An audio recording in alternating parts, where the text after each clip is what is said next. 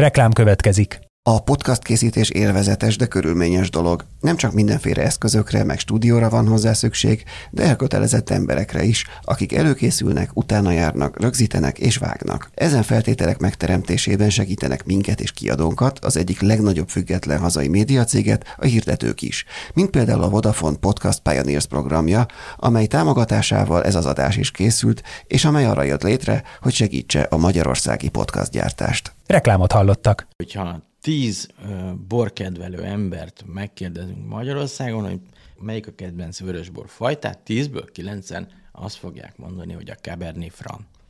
Hát ez borítékolható. Erre komolyabb pénzt is fel lehet tenni a fogadóirodában, hogy így lesz. És ez szomorú. Mert igazából nem az a kérdés, hogy lehet-e Magyarországon kiváló minőségű Cabernet Franc készíteni, mert lehet, és készül is, tök jó, hanem az a kérdés, hogy hogy lehet, hogy egy olyan országban, ahol több mint ezer éves kultúrája, hagyománya van a borkészítésnek, egy francia kékszőlő fajta viszi a prímet.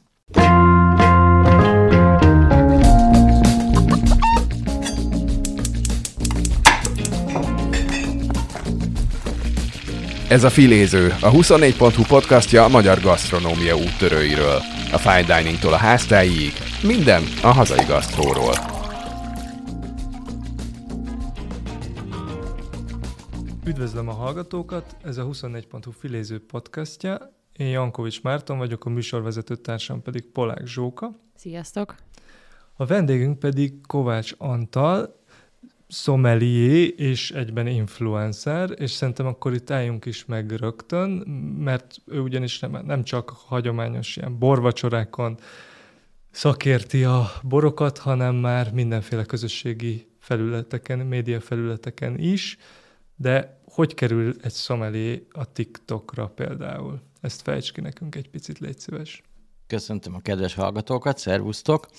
Nos, ez nem volt egyértelmű számomra sem, sőt, őszinte leszek, én, én nagyon a, a különböző social media felületeken sem lennék fenn, ha nem foglalkoznék borral, és nem lenne egy borkereskedésünk. Tehát engem az vitt oda, azáltal váltam intenzívebbé ezeken a platformokon, hogy szerettem volna hírt adni e, magamról, a cégünkről, és persze mindig bennem volt, hogy, hogy annyi mindent tanultam meg a borászoktól az évek során, ezekből e, szerettem volna átadni az embereknek. Mert nekem tényleg olyan dolgokat mondtak el a borászok, amiket jellemzően egy átlagembernek, amikor te mondjuk meglátogatsz egy pincészetet, akkor neked nem fogják elmondani, vagy mert nem akarnak vele terhelni, túl, túl mély szakmai mondandó, vagy nem akarják neked elárulni. Hogy... De ezek akkor nem a sötét titkok, amiket jobb, ha nem tud a borfogyasztó? Van köztük ilyen is,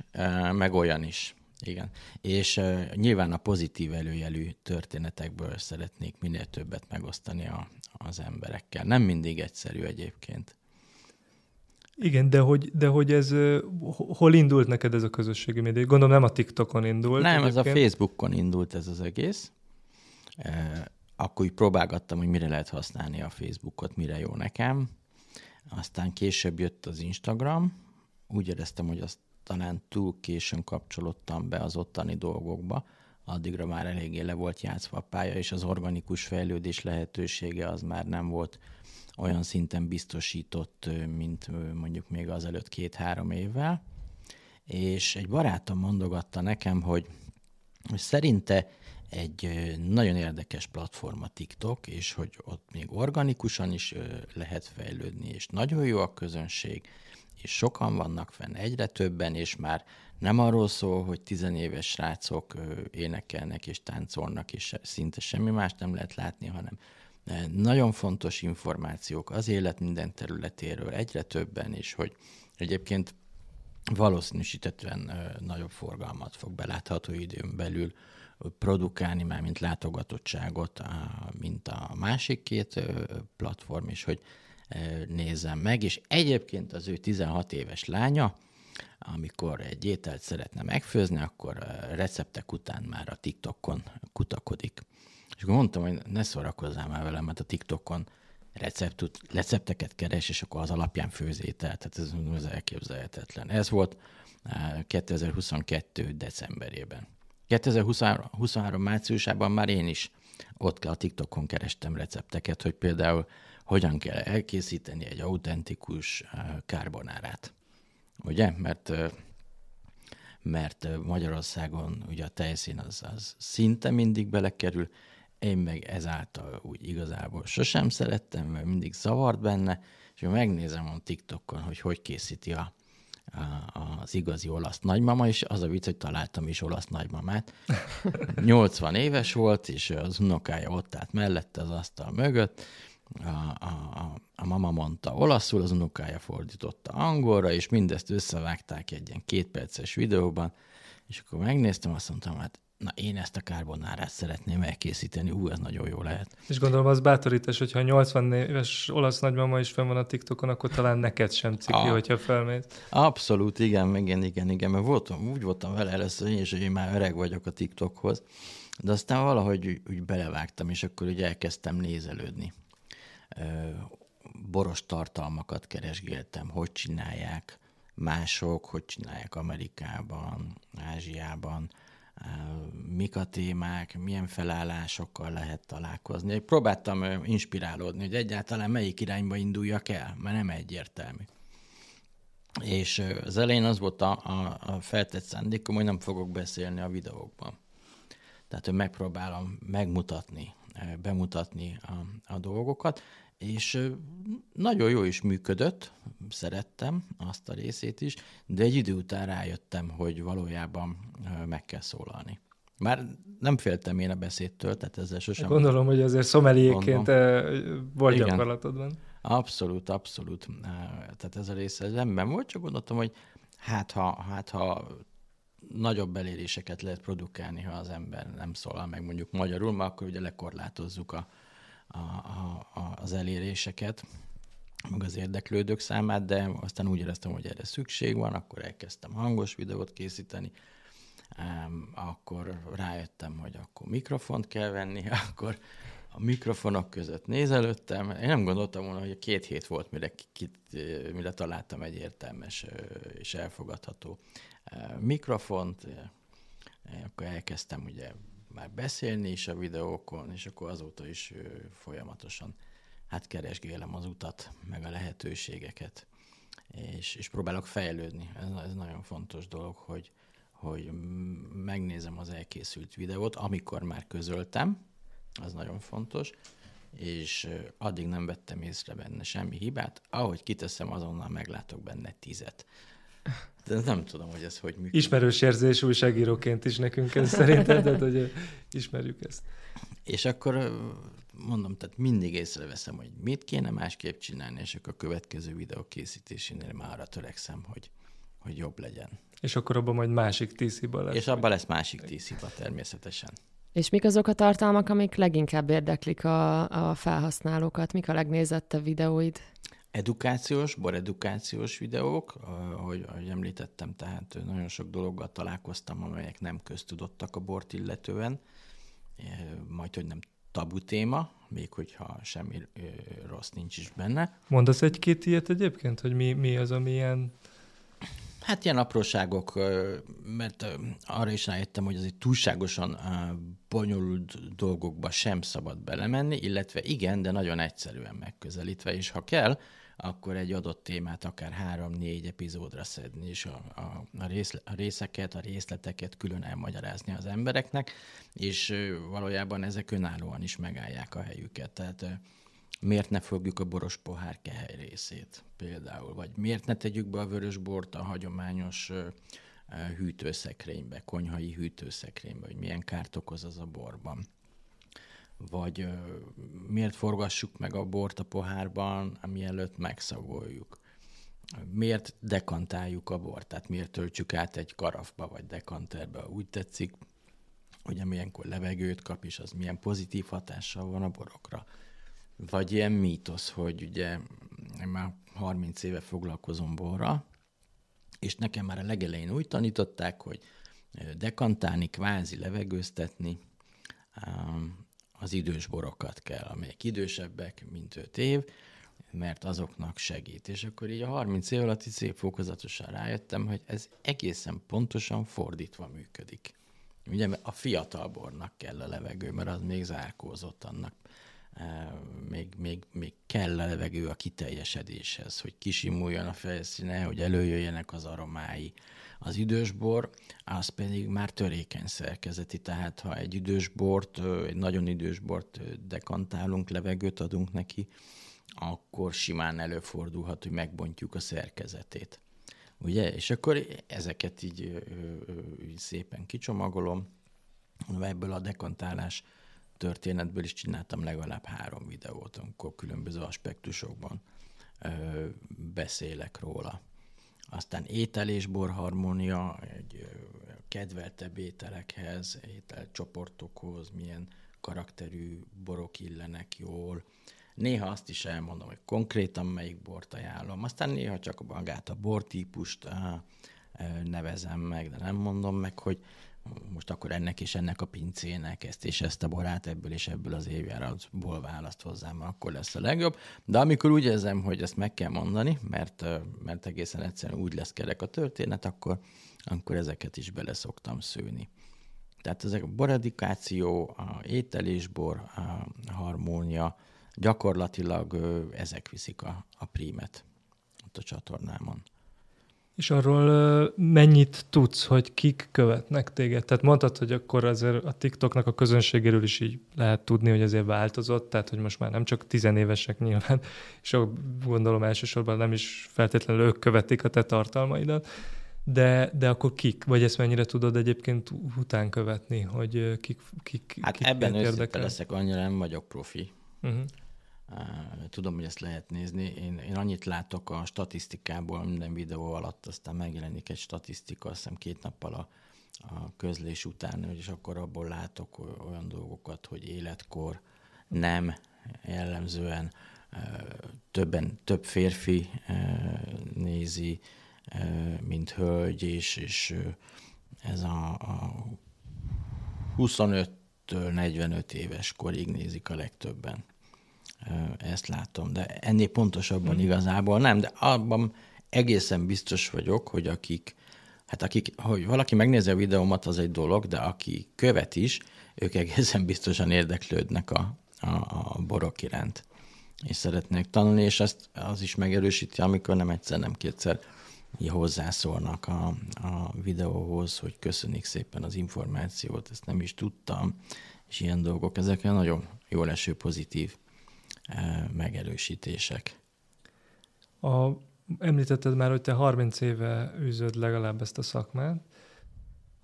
Azóta azért, amennyire mi én így laikusként visszaemlékszem, elég sokat változott Magyarországon a borkultúra, vagy így az, hogy hogyan tekintjük a borokat, vagy hogyan egyáltalán milyen borok hozzáférhetőek, de te ezt így belülről szomeliékként végigkövetve össze tudnád-e foglalni, hogy mit láttál az elmúlt, mondjuk a rendszerváltás óta? Hát nagyon sok minden történt, és én ott voltam a legelejétől gyakorlatilag. Én 93. januárjában iratkoztam be a legelső szomelié kúzusok egyikére a rendszerváltás utáni Magyarországon. Ez 93. januárban eh, kezdődött. Nagyon kevesen voltunk, akik ezzel egyáltalán szándékoztunk foglalkozni. Egy, egy maroknyi emberről beszélünk, és borkostolók, meg borvacsorák, meg ilyen dolgok. Borvacsora nem is létezett akkoriban még ez a fogalom. És akkor alig volt ebből a városban, havonta, két havonta, ha eljött egy pincészet, és lehetett jelentkezni a, a borkostolójukra, akkor én mindig ott voltam. Szóval belekerültem elég korán ebbe a vérkeringésbe.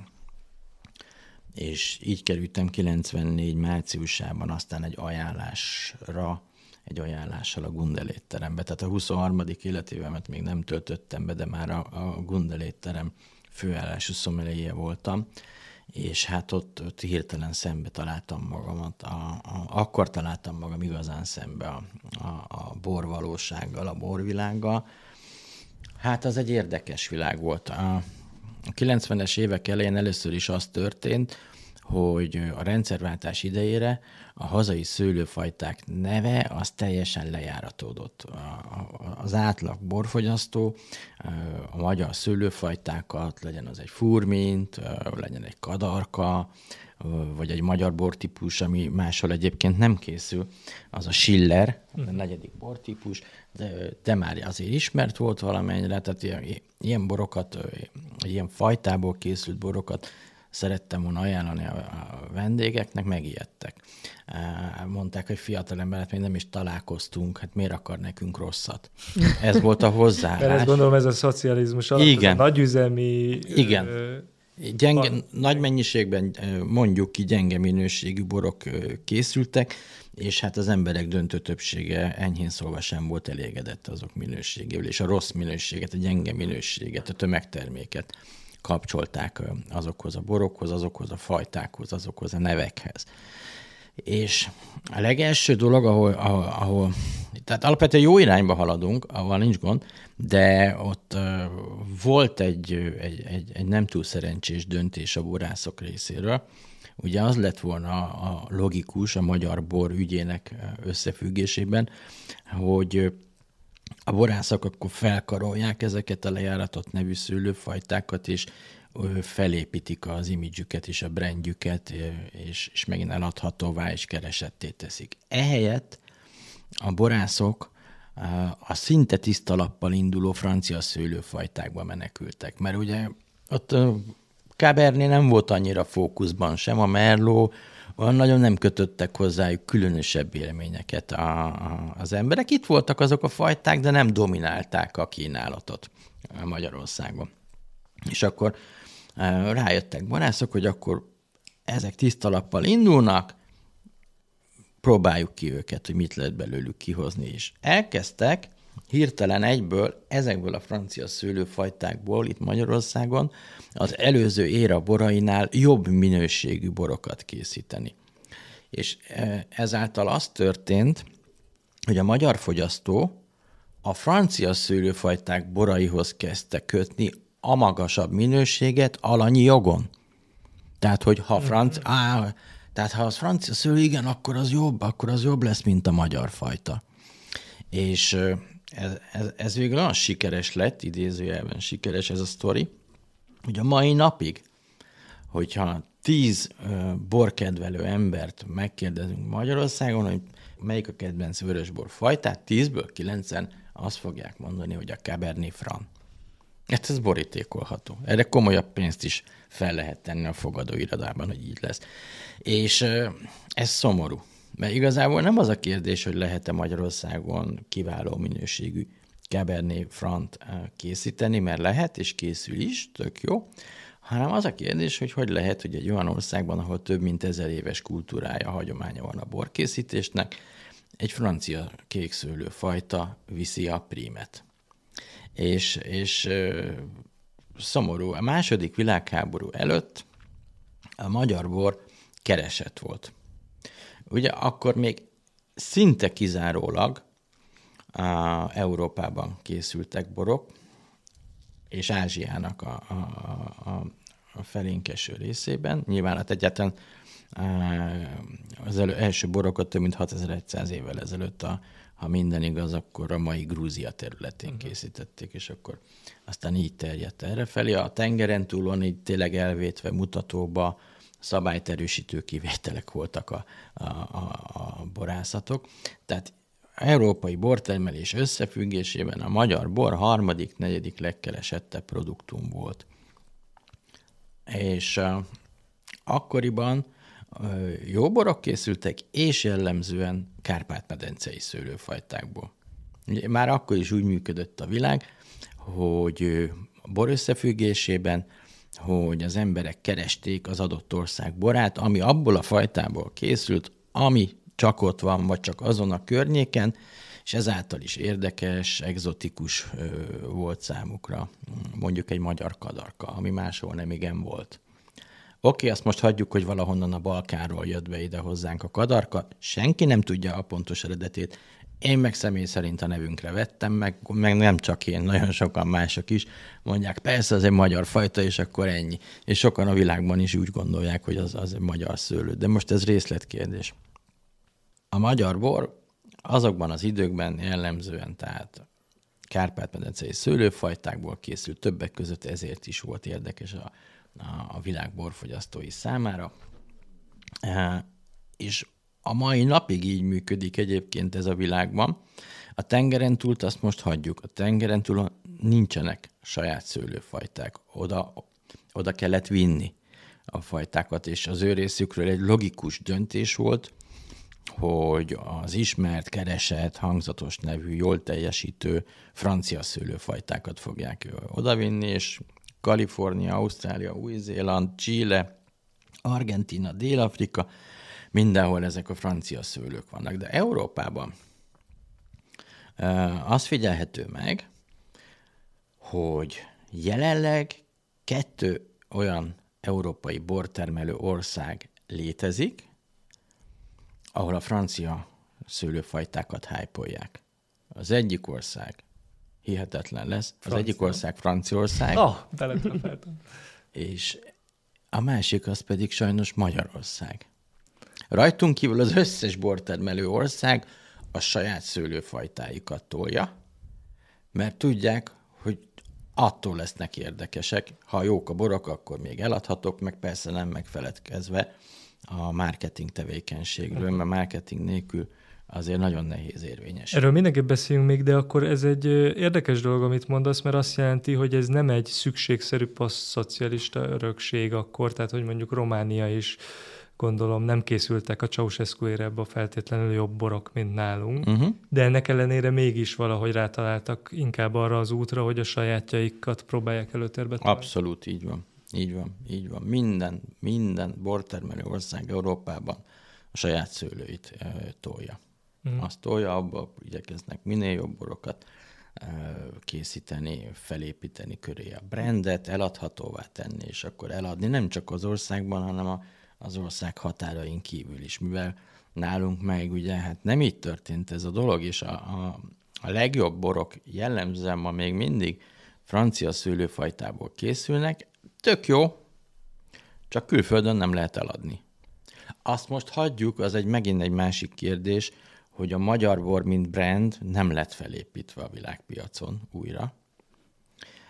Nem ismertek a magyar borok, nem keresettek a magyar borok. Tehát nincs az, hogy a kapukat döngetik, rugdalják az ajtót a világbor fogyasztói, hogy adjatok már nekünk kadarkát, vagy fe- fekete lánykát, vagy vagy purcsint, vagy, vagy, vagy ilyen fajtákat, tehát, mert, tehát még nem keresik a borokat, de ha egyébként már nagyon azon lennénk, és egyébként vagyunk is azon, hogy adjunk el bort külföldre is, akkor nagyon nehéz dolgunk lenne, mert hát őszintén kimondva, a magyar keberné a kutyát sem érdekli a világban. Mert csinálnak még nyilván Franciaországban, meg még ezer Hát ha egyébként. igen, a kebernét szeretne, az pontosan, aki kebernét szeretne, az franciát, vagy kaliforniait fog vásárolni. Aki pedig szirát szeretne, az megint csak vagy franciát a Ronvölgyből, vagy Ausztráliából fog választani, mert ott óriási brandet építettek, ugye a legtöbbet telepített kékszülőfajta Ausztráliában a szirá. De és minek kéne megváltoznia, hogy ez a fejekben is átálljon? Hát a változás egyébként elindult. Csak ugye van egy ilyen 30 éves megtorpanás a sztoriban, illetve hát megtorpanás, ha nagyon pozitívak vagyunk, de szerintem egy jó ideig hátrafelé meneteltünk, nagyon ügyesen. Csoda, hogy nem estünk el. De jelek mutatkoznak, igenis. Ez elsősorban köszönhető a fiatal borász generációknak, a második generációs borászoknak, akik, vagy harmadik már lassan, a, akiknek a, a szülei ugye a 90-es évek elején indították a pincészetüket, sikeressé váltak, mentek ebbe az irányba, amiről beszéltünk, és akkor jönnek a gyerekek és az unokák, akik meg már ugye azért tájékozottabbak a, a világban, ahhoz képest, amilyenek ugye a szülők voltak az őkorukban, nyelvet beszélnek, tanulmányutakra járnak, tehát világlátott emberek, és felfogják jobban, hogy hogy oké, okay, oké, okay, keberné, de hosszú távon lehet, hogy a furmintban, vagy a kéknyelűben, vagy az ezeróban azért nagyobb, nagyobb lehetősége van. És ez elindult, ez elindult, egyre több olyan pincészettel találkozom, akik nemrég indultak, és a kínálatukban szinte kizárólag vagy kizárólag kárpát-medencei szőlőfajták vannak. Nem ők vannak többségben, de egyre többen vannak, akik e-, ezt az irányt nézték be maguknak, és, és úgy nézem, hogy működik is a dolog.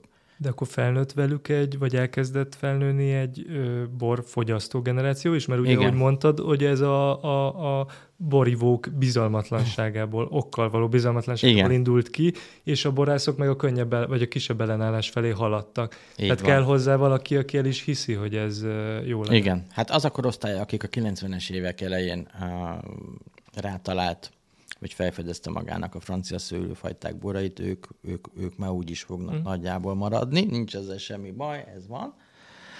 De a, a fiatalabbak, ők, ők nyitottabbak a fogyasztói oldalon is ezekre a történetekre, és, és úgy nézem, mondom, hogy, hogy egyre több az ilyen irányú elmozdulás, és, és egyre több a, a jó bor ezekből a fajtákból is, sőt, fantasztikus borokat készítenek.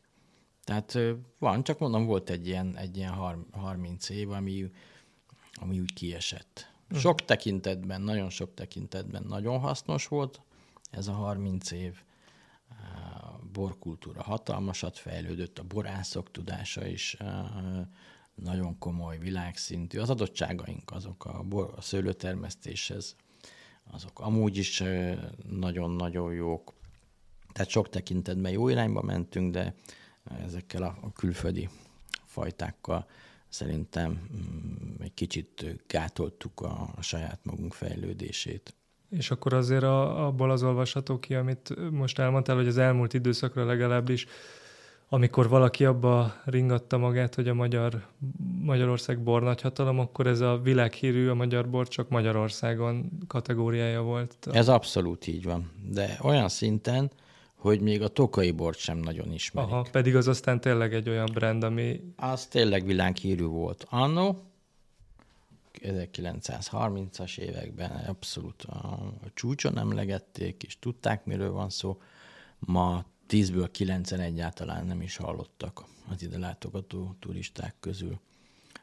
Tokajról. Ezt tudom, mert belvárosban van egy hely, ahol szoktak hívni, és külföldieknek mutatok be magyar borokat, és akkor beszélgetek is velük, nyilván megkérdem, hogy több, sokszor megkérdem, hogy mennyire hallottak, mennyire ismerik a magyar bort, és, és nem, és, és aki úgymond tájékozottabb, két dolgot tud, két nevet tud, hogy Toka és Bikavér. Uh-huh. De őt de hogy egyébként a bikavér az vörös vagy fehér, az már nem biztos, hogy, hogy megvan az egészből. Ja, úgyhogy igen, most, most, most nagyon van hová fejlődnünk, úgyhogy bor marketing az nagyon kéne, arra nagyon nagy szükség lenne. Hát egy érdekes ilyen párhuzam, itt van Ausztrália. Ugye ott, ott száz évvel ezelőtt tehát az nem igaz, hogy nem volt szőlő, és nem készítettek bor, de elhanyagolható mértékben. Tehát azok igazi csodabogarak voltak azok az emberek, akik Ausztráliában száz éve bort készítettek, és szó szerint a csodájukra jártak. 50 évvel ezelőtt az ausztrál kormány, az állam már tudta, hogy a borban óriási üzlet van, és hogy nekik óriási lehetőségeik vannak, Addigra már azért több volt a borászat, hát korán sem annyi, mint ma.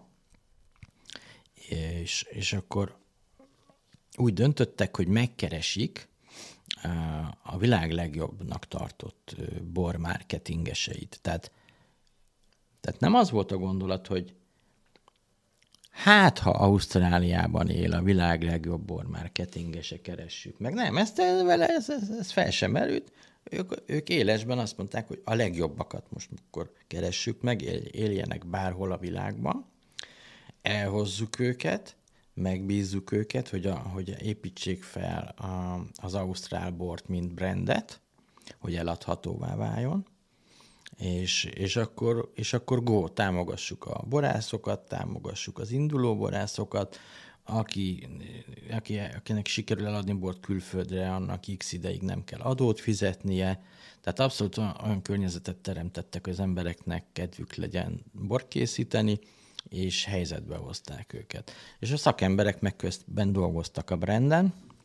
Na ennek az lett a, az eredménye, hogy most már nem emlékszem az évszám, de, de több mint 15 évvel ezelőtt az ausztrálok megelőzték az addig egyedül, szinte egyeduralkodó franciákat a világpiacon, tehát Ausztrália lett a világ legnagyobb borexportőre, és néhány évvel később pedig ugyanezt elérték már az amerikaiak is, főleg a kaliforniai. Tehát akkor most már nem lehet azt mondani, hogy Európa uralja ezt a... Hát az abszolút, már réges-régen, nem, hát réges-rég az mit jelent, de már több mint másfél évtizede nem Európa uralja a világpiacot.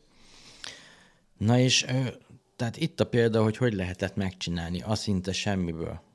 Ahol ma Ausztráliában szőlőültetvények végtelen, végtelenével találkozhatunk, ugye ott, ott száz éve még, még kenguruk ugráltak. Nálunk már ezer éve készülnek borok, de mi még ugye nem, nem, nem léptünk arra az útra, hogy ismét felépítsük, mert az a helyzet, ami szerintem nagyon fontos, hogy több mint 40 évre el voltunk tüntetve a nyugati világ szeme elől, minket elfelejtettek. Durván 30 éve, valamivel több mint 30 éve vagyunk megint részei minden tekintetben a, a, a világnak. Ez pedig azt jelenti, hogy nyilván nézőpont kérdése, egy magyar emberrel ezt nagyon nehéz megértetni, de igazából nekünk úgy kell megnyilvánulnunk a világpiacon, mint az új világi borászatoknak. És Na ez az, hogy ilyen szempontból viszont lehet, hogy épp ez a sok évszázados múlt egy ter is, mert az ausztrálok példája mutatja, hogy ehhez az első belátás kell, hogy hol járunk most egy reális helyzetértékel, és hol járunk a világ szemébe. Nem az, hogy a saját szemünkbe hol járunk, Így a világ szemébe és ahhoz kell egy stratégiát kialakítani. Amíg ez nem történik meg, ez az első lépés, addig gondolom ez eleve nem működhet. Pontosan, pontosan. De csak, tehát oda akartam az egészet kielezni, vagy elvezetni, hogy ahhoz, hogy a magyar bor, mint brand ismét felépülhessen, tehát egyrészt új világiként kell tekinteni saját magunkra, és úgy tennünk, úgy cselekednünk, mint ahogy, ahogy ők teszik, a másik pedig, hogy a, a, az a brand, ez állami, nagyon-nagyon kőkemény állami mögéállás és támogatás nélkül, de ez nem tud létrejönni. Létre tud jönni? Néhány száz év alatt. Uh-huh. A, úgy igen, de ha azt szeretnénk, amit az ausztrálok, és az ő példájukat követve az összes tengeren túli, túli bortermő országhoz tett, akkor, akkor tényleg akkor oda kell a, a, az állami nagyon-nagyon komoly támogatás. Mert az, hogy a, a, a borászatok egyedül ezt majd megoldják, az nem fog sikerülni. Kimennek, vásárokon, bemutatókon, borvacsorákon vesznek, vesznek részt, az embereknek tetszenek a boraik, de ettől még nem lesz igénykereslet arra, hogy a piacon is elérhetőek legyenek, tehát ilyen helyi és időszakos sikereket tudnak elérni. De hosszú távon ö, ö, nincs túl sok hozadékuk ezeknek, sajnos. De akkor ezek szerint erre a támogatásra nincs is esély? Hát az, az, ilyen, az ilyen szintűre, mint amit Ausztráliában megléptek, hát én nem tudok róla, hogy lenne ilyen szándék. Ja, nem tudok róla. Lehet, hogy van, de egyelőre nem tudni, és jelek sem mutatkoznak a világpiacon. Tehát jelenleg a magyar borász szinte kizárólag a magyar piacra termel, mert hogy itt keresett a magyar bor itthon. Hát legalább itt. De külföldön nagyon nehéz. Vannak borászatok nyilván, akik adnak el külföldre is bort, mert olyan komoly kapcsolatokkal rendelkeznek, ott kin, hogy, hogy, hogy ez megoldható számukra, de ők, ők nagyon kevesen vannak. Mm. És egyébként most ez nyilván, ugye, amiről egy ideje beszélünk, ez a globális szint, az export, uh-huh. a igen. szintje, de akár ezen a szinten, akár azon a szinten, hogy belép valaki egy boltba és levesz a, egy, a szupermarketbe, melyik bort veszi le. Én gondolkodtam azon, hogy szerinted mennyit számít az, hogy mi van a palackban, és akkor az nyilván terjed, hogy az jó vagy nem jó, szájról szájra akár, vagy nem tudom. Másrészt pedig a hozzácsatolt történet és marketing és leírás, és nem tudom, tehát hogy egy, egy bornál attól, hogy mondjuk akár tényleg sikeres lesz-e, meg népszerű lesz-e, mennyit számít az, ami a palackban van, és mennyit számít az, amit mondanak róla? Hát a, a külcsíny az, az fontosabb, mint a belbecs. Ez egyértelmű. Jó, nyilván nem azt mondom, hogy lehet a bor rossz minőségű, de egy közepes minőségű bort, ha jól kezelnek, ha jól marketingelnek, ha jó a palack, szép a címke, jó a sztori, akkor, akkor abszolút sikertörténetté lehet tenni. Rengeteg ilyet tudok. Tudnék mondani, mint hogy nyilván nem fogok, de ez tényleg így működik a, a, a borvilágban is. Nekem még egy, egy sommelier mondta nagyon régen, hogy tényleg akkor még a pályám legelején jártam, azt mondta nekem, hogy onnan fogod tudni, hogy már, már egy elég, elég jó ügyes szomelié vagy, hogy amikor borkóstolót tartol, vagy borvacsorán mutatod be a borokat, akkor a legkevesebbet a borról fogsz beszélni. És akkor kérdeztem, hogy jó, de akkor miről kell beszélni? Történetet kell mesélni az embereknek az adott borhoz kapcsolódó sztorik, azokra kíváncsiak az emberek, de hogy hány gram cukor van benne, meg, meg sav, meg milyen mértékű a tannin, meg hogy milyen állapotban van érettség összefüggésében, hát azt mondja, ezekről nagyon, ezekről nagyon keveset beszél, mert, mert nem fogják szeretni az emberek, és utólag azt fogják mondani, hogy száraz és unalmas volt. És akkor az elején, hogy annyira nem értettem ezt a dolgot, hát nyilván nem volt rálátásom, nem volt rutinom, tapasztalatom, tudásom hozzá, de aztán szép fokozatosan átéltem. Aztán most már volt olyan borbemutatóm is, ahol majdnem az összes bornál, miután befejeztem a borbemutatását, a vendégek kérdezték, hogy jó, jó, jó, de mi volt a bor? Azt nem mondtam Tehát azért be. most már kezd egy igen. kis érdeklődés kialakul. Igen, igen, igen. Jó, pe- persze, hát mindent elmondtam, sztorit a, a borászról, a termőhelyről, akkor érdekes történet, amit átéltem az adott borral kapcsolatban x évvel ezelőtt, stb. De hogy az konkrétan ez egy, az egy balatoni olasz részben volt 2018-ból, azt elfelejtettem megmondani. Ja. Jó pofa volt. És egyébként a, a ha most ugye a borok alakulásáról beszéltünk az elmúlt 30 évben, de a maga a bor nyelv, vagy a bor szakírás, vagy a, ahogy beszélünk a borról, az is változott. Én legalábbis emlékszem, a 2000-es években az egy ilyen paródia tárgya is volt kicsit, hogy... Most is. Még most is, igen, hogy hogy beszélnek a borról, de mintha ez tisztult volna, egy, vagy egyszerűsödött volna egy picit, nem ez a nyelvezet, tehát hogy akkor én úgy emlékszem, hogy az ilyen ilyen költőibb, vagy lilaködösebb tudott lenni, vagy ilyen burjánzóba, ahogy borokról hát, beszéltek. Igen, ez változó. Nincs ezzel egyébként semmi vagy, hogy valaki próbál szépen ö, nyilatkozni, vagy írni a borról, csak ne legyen öncélú. Amikor ezekkel a szép veretes mondatokkal valaki saját magát akarja fényezni, és kevésbé van köze a, a borhoz, akkor az nekem nem szimpatikus. De úgy érzem, hogy annak ilyen illata, vagy olyan íze van, vagy ilyen, ilyen, ilyen érzést okozott bennem, akkor én, én, általában én sem félek ezt leírni.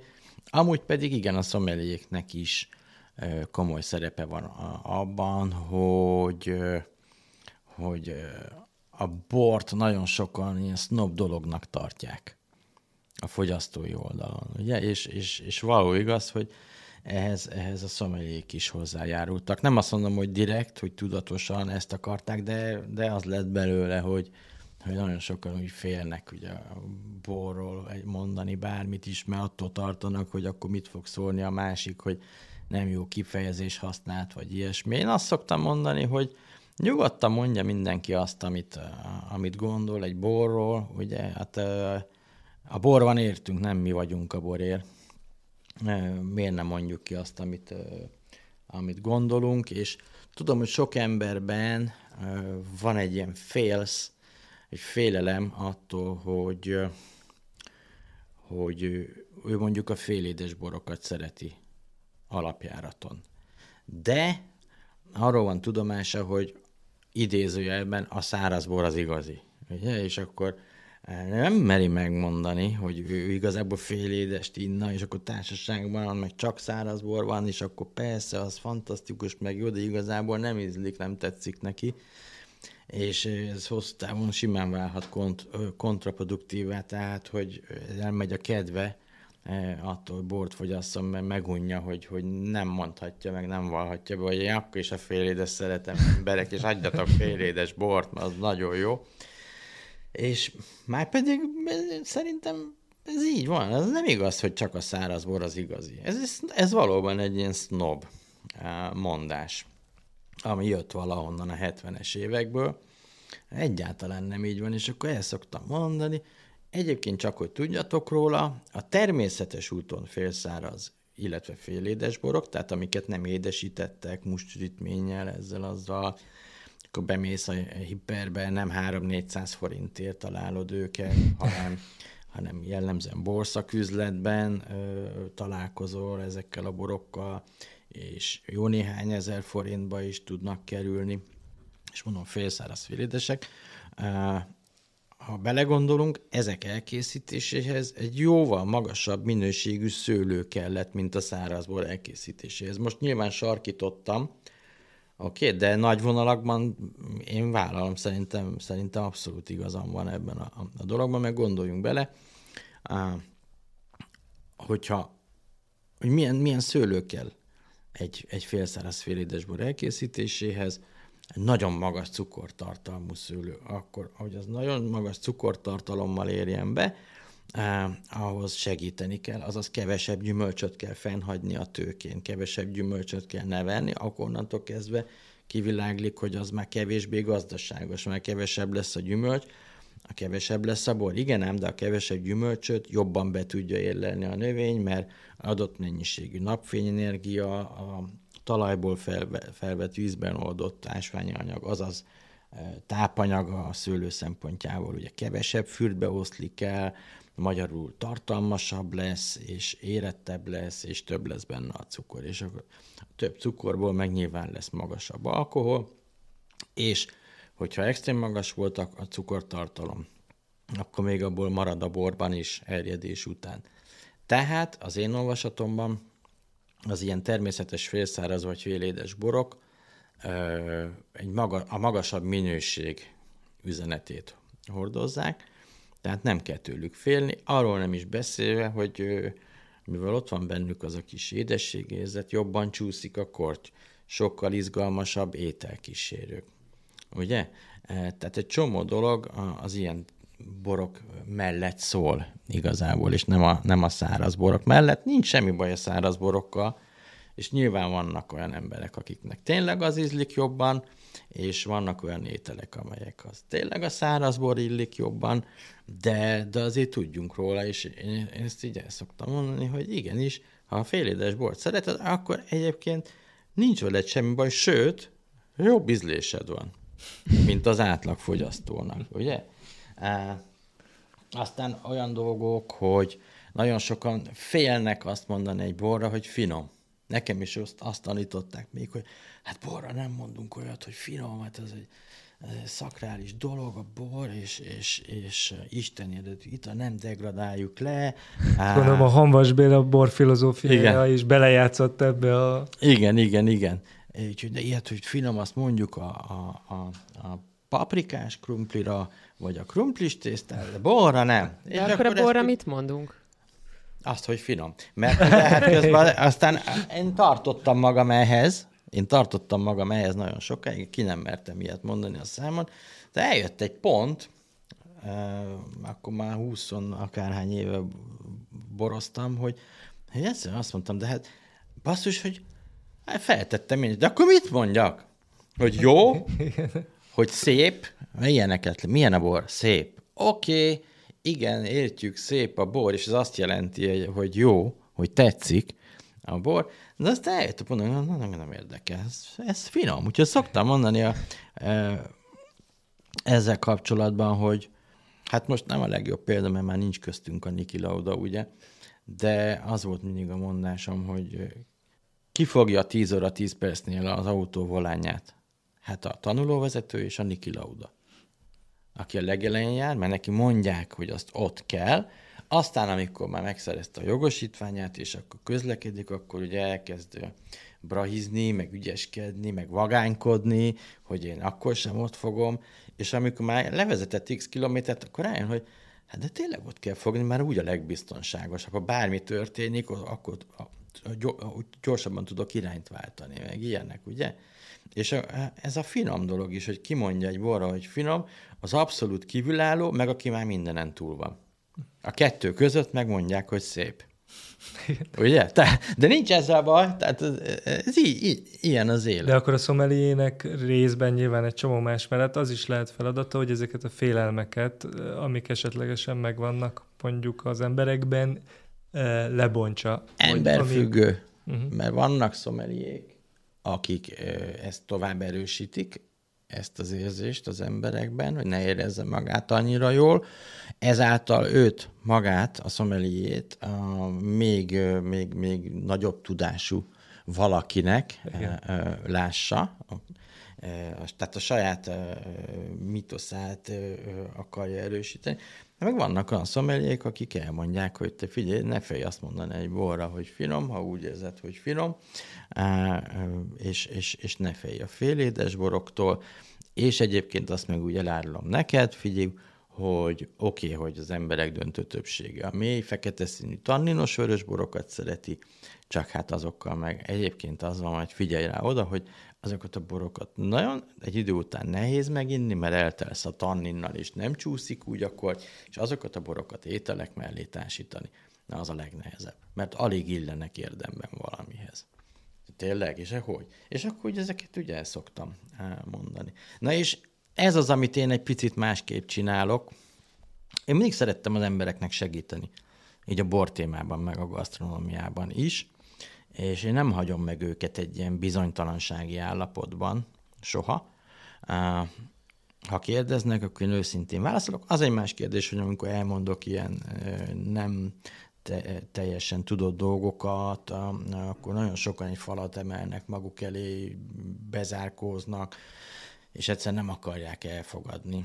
Ezt, ilyenek dolgok a kommentekben is, videóknál kom, vannak kommentelők, elmondom, hogy szerintem te eddig ezt így tudtad, mert ezt mondták neked, de a valóságban ez így működik, és akkor mondják, hogy de írják, hogy nem igaz, mert én olvastam egy angol nyelvű szakmagazinban, ahol azt írták, hogy, és akkor azért, mert ott azt írták több ezer kilométer, azt elhiszed, én meg itt mondom neked magyarul, azt meg nem hiszed el, hogy 30 év alatt az ember megbizonyosodott dolgokról. Ja, de szóval vannak ilyenek az emberek a, az újdonságoktól, vagy az igazságtól, eh, megijednek, hogyha ő már x 10 Igen. éve úgy tudta, ahogy. Hát ez az élet minden területén így van, miért pont a boroknál ne lenne így, hogy Igen. már úgy támadásként érzékeljük azt, hogyha valaki Igen, meg... abszolút, bontja. nagyon sokan támadásként érzékelik a, a, ezeket a dolgokat. Tehát ennyi, ennyi, ennyiben én, én, én, én, én úgy jól érzem magam a bőrömben, én próbálok az embereknek segíteni, és uh, ugye a borkúzus, ami, amit már csinálok, csináltam többször is, de most, most egy következő szintre szeretném ezt, ezt vinni, és online borkúzust fogok tartani, ami egy, egy nagyon jó dolog, mert a, a, bárhonnan, nem csak Magyarországról, a világról bárhonnan be lehet kapcsolódni. Azért mondom ezt, mert van olyan vásárlónk, aki külföldön él, és, és kérdezte, hogy ilyet nem szeretnék egy csinálni, mert olyan szívesen részt venni rajta, de nem tud hazalátogatni minden egyes előadásra hetente egyszer. Úgyhogy jó, jó, jó ideig érlelődött bennünk ez, a, ez, ez az egész uh, sztori, és most úgy döntöttünk, hogy, hogy megcsináljuk, és annyiba lesz más ez a kurzus, hogy én olyan dolgokat is el fogok mondani az embereknek, amit egyébként nagy valószínűséggel még akkor sem találnak meg információként, ha rákeresnek a, az interneten. Úgyhogy ez egy ilyen küldetés dolog számomra. És csak annyi, hogy ez úgy néz ki, hogy akkor mindenkinél kellenek, hogy ugyanazok a borok legyenek, mert Abszolút. Azért, ugye, mert gondolom más, hogy azért nehéz lenne, hogyha nem tudnád, hogy most, most szagolj bele a pohárba, és mindenkinél valami más tétel hát, van. Ennek lesz ugye minden előadás, öt előadásról van szó, mindegyiknek van egy témája, és minden előadáson megkóstolunk együtt közösen két bort. És ahhoz, hogy ez megtörténhessen, a borok már jó előre meg fognak érkezni a hallgatók egyben, a hallgatókhoz, és akkor ugye azt, azt megkapják információként, hogy melyik dátumra melyik bort készítsék elő, ha főzni szeretnének hozzá ehhez a két borhoz, akkor milyen jellegű ételt főzni, de ha nem szeretne főzni, mert nincs rá ideje érkezése, meg akkor esik haza a munkából, akkor milyen kis falatokat készítsen oda, amit ugye főzni nem kell, csak előkészíteni a, a fogyasztáshoz. Tehát lesz kóstoló is, igen. És azt, azt vettem észre, mert már egy, egy, egy próba ö, ö, ilyen kurzus már volt, hogy az emberek ö, igénylik, nagyon szerették azt a részt, amikor borkostolunk együtt online, és ö, nyilván a, az elhangzottakat is, is, is igénylik, de, de ez a borkostolás rész, ez volt az, ami igazából birizgálta a fantáziájukat.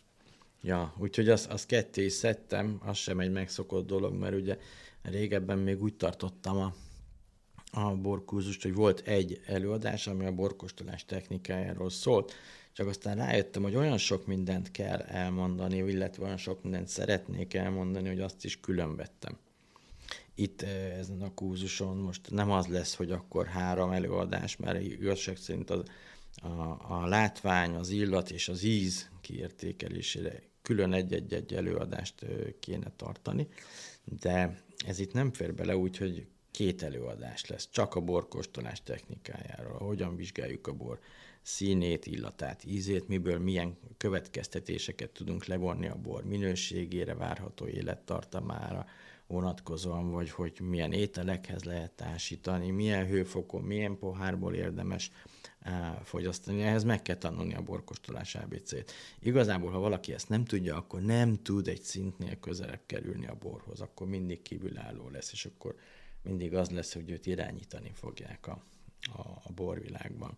De ha tisztában van az alapvetésekkel és gyakorolja, akkor viszont egyre közelebb tud kerülni a borhoz, és, és, és saját maga önállóan nagyobb biztonsággal tud eligazodni. Ami meg egy tök jó dolog, mert ma már valahol szerintem, hogy alapszinten értsünk a borhoz, nem kell túlzásban venni, de csak alapszinten. Az már az üzleti életben is egy, egy, egy, egy fontos dolog, amikor ugye valaki dolgozik egy nagy cégnél, üzleti vacsora, partnerparti, akkor ott jellemzően ételeket, italokat is szolgálnak fel valamilyen formában, akkor tuti, hogy megjelenik a bor, és, és, és az milyen rossz és hogy mindenki tud három-négy keresetlen eh, mondatod szólni a borról, én meg csak ott állok és hallgatom. A többieket nem tudok bekapcsolódni a beszélgetésbe, kimaradok a buliból. Ugye? Ami azt is eredményezheti, hogy hosszú távon is kimaradok, mert nem tudok olyan kapcsolatot kiépíteni az adott emberrel, akivel egyébként még jó üzletet is tudnék kötni majd a jövőben.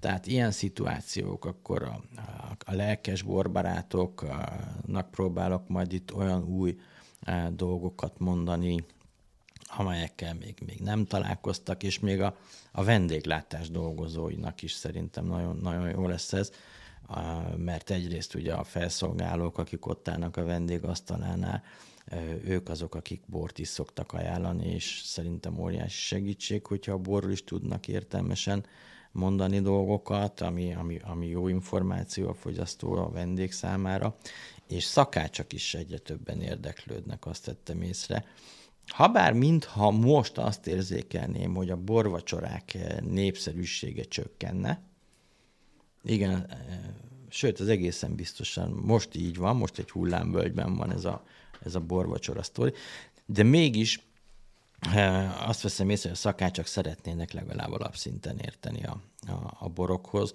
azért, hogy amikor menüsort állítanak össze, akkor már egyből úgy tudjanak gondolkodni a különböző ételek megkreálásában, hogy a borokat jól lehessen akár hozzájuk vagy vice versa, hogy érdemben tudjon egy ételt a, az adott borhoz igazítani, ízesíteni, fűszerezni.